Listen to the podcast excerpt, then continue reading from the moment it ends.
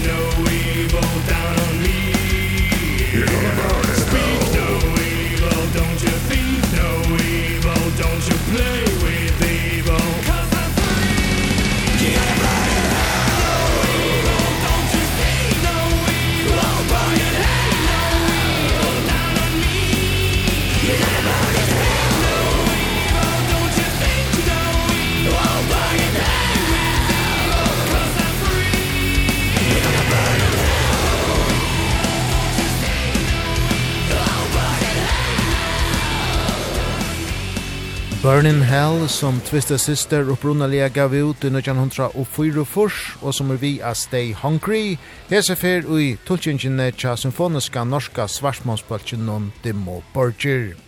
Leie er vi a nokjo tøku utgav og torra Inspiratio Profanus, som øvelagje vera at okna ser 8. desember. Vi tåsa i kvöld vi Selenos, gitarlagaran ui just Dimo Borger. Og hvis, hvis man uh, kommer og taget av coverlåt, um, uh, er det med stor respekt at man innspiller i sånne låt når, som en annen har skrevet? Det er det absolutt. Vi, vi prøver jo å, å forholde oss til det originale uttrykket, men samtidig eh, selvsagt sette vår uh, expression på det. Da. Um, nå har vi jo for så vidt for alle, så å si alle låtene på den skiva her, så er det jo veldig nære det originale uttrykket, men... Eh, det er enkelpartier i i hver låt som vi har har dimusificerat då som vi kallar det selv. eh så men jag tror nog kanske GGFH låta är den som vi har gjort mest på själv då sånn sett alltså prøvd å eh göra ett eget lite mer eget uttryck på den. Ehm um, Nå kan man jo si at alle de, de fleste av de låtene her har jo blitt covra av mange andre artister også før, så Så det er kanskje ikke noe nytt sånn sett, men uh, jeg føler at det er, um, er å gi et lite glimps inn i vår uh, verden, der som vi, eller de artistene, og noen av de artistene som har inspirert oss siden starten, og som fortsatt inspirerer oss, for den saks skyld. Så um, det er kanskje rart for fans av Dimmu som har kommet til de siste ti, ti åra, eller kanskje siden de var siden starten nå, det, at det er rart at vi eh, gjør coverlåter og Accept og, og Twisted Sister og sånn, men det, for oss er det helt naturlig å vise hvor våres eh, inspirasjonskilde kommer fra. Det er jo tidlig 80-tallet liksom, eller hele 80-tallet for den saks skyld, men det var tidlig 80-tallet det startet liksom, så...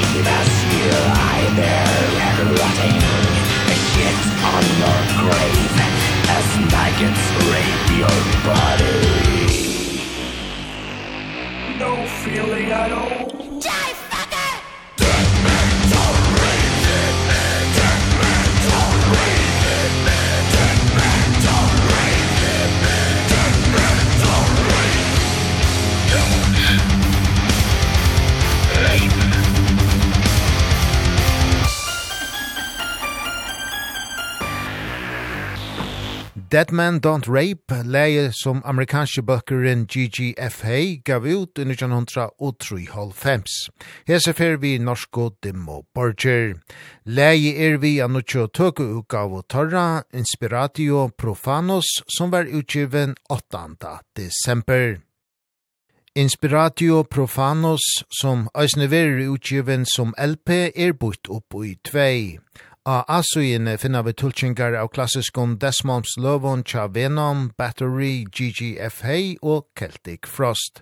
Mia løyene av besugini er tulchingar av klassiskon heavy metal og hard rock lovon Cha Twisted Sister, Deep Purple og Accept. Og hette er at tilvita vel grøyer Silenos, gitarløygarin og Demo Borcher fra. Ja, den aller første fra, fra skiva er faktisk black metal. Den, ga, den kom ut nå... Ja var det i oktober eller noe. Eh, og så var det Deep Purple, så vi følte vi skulle vise liksom begge sider av, av plata da. For liksom den, den mer krasse, rett på sak, eh, undergrunnsdelen av Dimmu gjennom black metal og Bathory og Celtic Frost, og så får du den mer oppdaterte, den melodiske, eh, litt mer større siden til Dimmu med de andre låtene, da, kan du si. Så det er derfor vi også valgte å kalle det rett og slett altså hver side, en side black og den andre side metal. Eh, som en slags uh, tongue-in-cheek uh, tribut til uh, 80-tallet når man hadde liksom fire-fem låter på hver vinyl, og hver vinylside, og så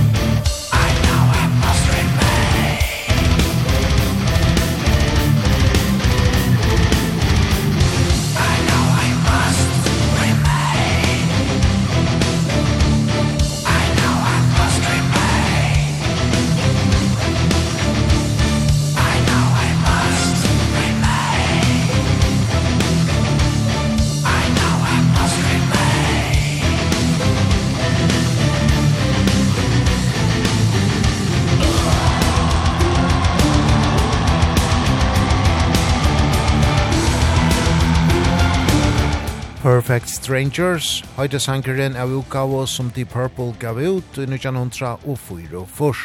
Hese fer vi symfoniska norska svarsmansbaltjenon Demo Burger. Leie er vi an utjo tøke utgave Torra, Inspiratio Profanos, som var utgiven 8. desember. Ta vi spyrja gesten i kvöld, Silenos, gitarløgaren Ujus Dimmoborger, om han hever et indestøgele av utgavene, er han avgjørder. Ja, altså det som står meg kanskje nærest er vel uh, Accept-låta. Uh, selv om uh, det ikke var den første coverlåta vi gjorde, så var, det er vel den som har på en måte um, linker uh, um, inspirasjonskildene våre fra 80-tallet fram. Altså, fram mot hvordan dimme har utviklet seg gjennom åren for vi vi har vi blev jo mer og mer symfoniske etter ja Death Cult og og videre der så blev det mer symfonisk ikke sant og jeg føler at uh, metal art spesielt er en låt som har har mye symfoni symfonisk i seg da fordi det er måten uh, Wolf Hoffmann skrev låter på i Accept. Uh, han gjorde det med veldig mye sånn klassiske uh, innspill og det er vel kanskje den som som står nærmest. Den var jo også en en overraskelse for folk flest når den kom på Godless Savage Garden i 1998, husker jeg. Det var veldig mange fans da som liksom hva? Accept liksom. Men vi følte at det var liksom det var helt naturlig for oss fordi det var det er en inspirasjonskilde og jeg syns også Accept har blitt uh, oversett uh, veldig mye med tanke på at eh, på slutten av 70- og begynnelsen av 80-tallet så var, hadde de et ganske ekstremt uttrykk hvis man tenker tilbake til Vi var en av de første som hadde ordentlig doble basstrommer for eksempel, aggressiv riff, eh, aggressiv vokal ikke minst. Så de, de var jo på en måte en forløper til thrash-metallen, og thrash-metallen var en forløper til black metal også, eller en, en del av black metal-uttrykket. Så Så jeg føler det er, det er på sin plass å gi honnør til Accept.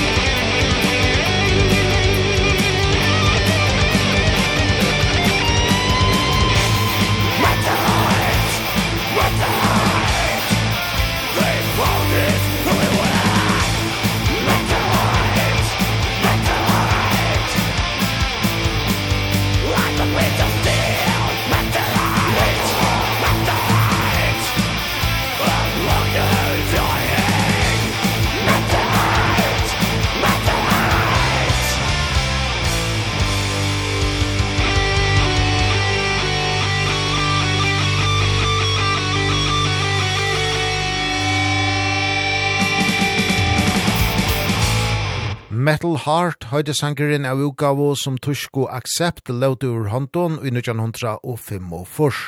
Hese fer vi norsk og dim og borger. Hendan tulkingen er vi an nutjo tøke utgave Torra Inspiratio Profanos som var utgiven 8. desember. Hette er røysni indes tøkeleie tja gesten hun i kvöld, Silenos, gitarleikarnon ui just dim og borger. Og uh, nå ble det så cover albumet ut, utgivet, og, men det er gått, uh, ja, det er fem år siden i kom med ny musikk. Jeg, um, hvordan går det med uh, skrivningen til ny musikk? Er det noe på vei? Ja, vi har jo skrivet på nye skiva on and off siden uh, før 2020. Uh, så ble det jo selvsagt lockdown, så det ble mye... Um, det ble ikke så mye uh, samhandling akkurat da, så vi skrev jo hver for oss i, i hvert vårt studio, så så vi har jeg, jeg vil si vi har mer enn nok materiale til et dobbeltalbum. Men jeg tror ikke, jeg vet ikke om dobbeltalbum er det, er det rette øra heller. Det, det skal uansett være kvalitet foran kvantitet, så får vi se. Men vi har mer enn nok å ta, og vi er godt i gang i prosessen, eller over halvveis i prosessen. og Og vi håper jo å kunne starte studioinnspillinga i ja, på nyåret da, til våren. Eller ja, rundt den tiden. Mm. Ja. Och vad med med konserter kan vi förvänta sig er på på festivalen nästa sommar? Ja, det blir någon jag tror vi har en 7 8 9 festivaler booka så långt så förhoppningsvis blir det ju mer men vi ser fram emot å ta 30-årsjubileet vårt som vi feirer i år til litt litt ut i neste år da. Et jubileumsår var jo fra det jubileumsår starter så vi, vi utnytter den der og prøver å Ja, vi vi kör nog mycket av det samma sättet som vi startade med i i Bergen i augusti då på Beyond the Gates festival. Det var liksom där vi startade eh celebration så så det det glädjer oss till att att fortsätta att spela flera av de äldre låtarna också som inte har fått så mycket spilletid live då efter det är vanskligt när man har tre tre tiår med musikk å ta da, da har man et luksusproblem. ja, eller kan det bli det seks-syv timers lang konsert? Ja, det, det kunne vi også ha gjort, selvsagt. Um, ja, vi, det blir jo begrenset også på hvor lang spilletid man får på festivalen, men ja. på egne gig så er det jo, da bestemmer vi jo selv hvor, hvor lenge vi spiller. Mm. Og hva med deg selv? Du er en busy man. Har du flere prosjekter kurrende i, i øyeblikket? Ja, altså, jag har ju Insidious Disease, det death metal projektet som jag har sammen med Mark eh som eh, nå synger i As in Hell med Michael fra Volbit. Ehm um, eh uh, Shane Embry är med på bass i Insidious fortsatt och vi ska väl uh, alltså vi har väl en 11-12 låter färdig på demo-stadiet med vokal och mangler litt leads og sånn, men vi er klare til å spille inn uh, trommene når som helst, egentlig. Så uh, vi må bare finne en schedule der det passer uh, for de fleste av oss, og så går vi i gang med det. Og det blir en, det blir en ganske enkel og kjapp uh, innspilling. Uh, trommene bør ikke ta så lang tid, og da gjør vi resten av gitar og bass og vokal i våre egne studioer, så det, det skal gå ganske knirkefritt, egentlig. Black is the night, metal with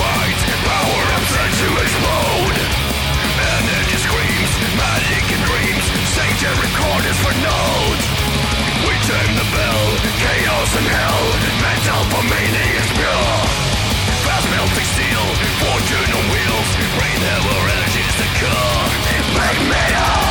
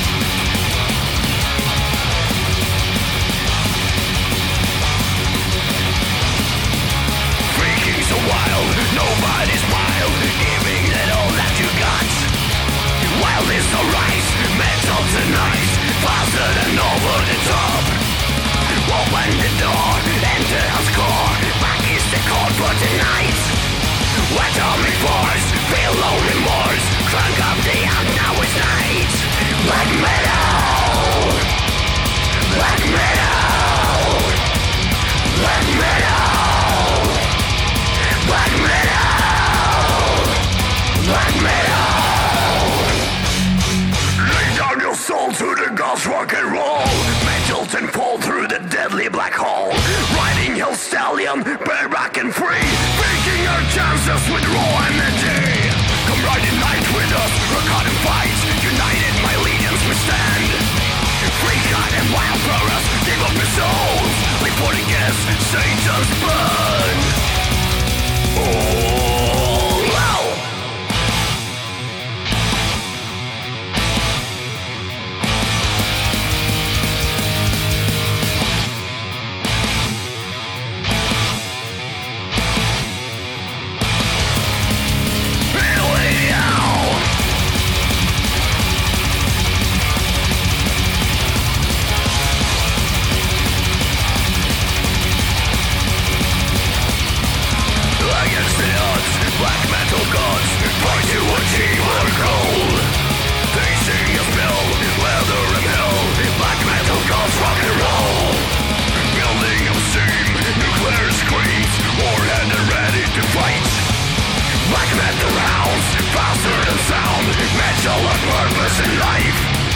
Black metal.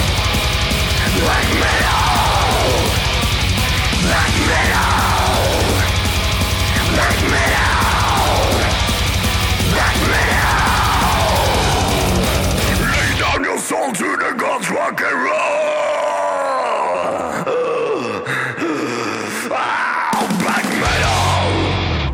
Vi har vært også vi Selenos gitarløygaran og Dimo Borger om nukkje tøk utgav og torra Inspiratio Profanos som var utgiven 8.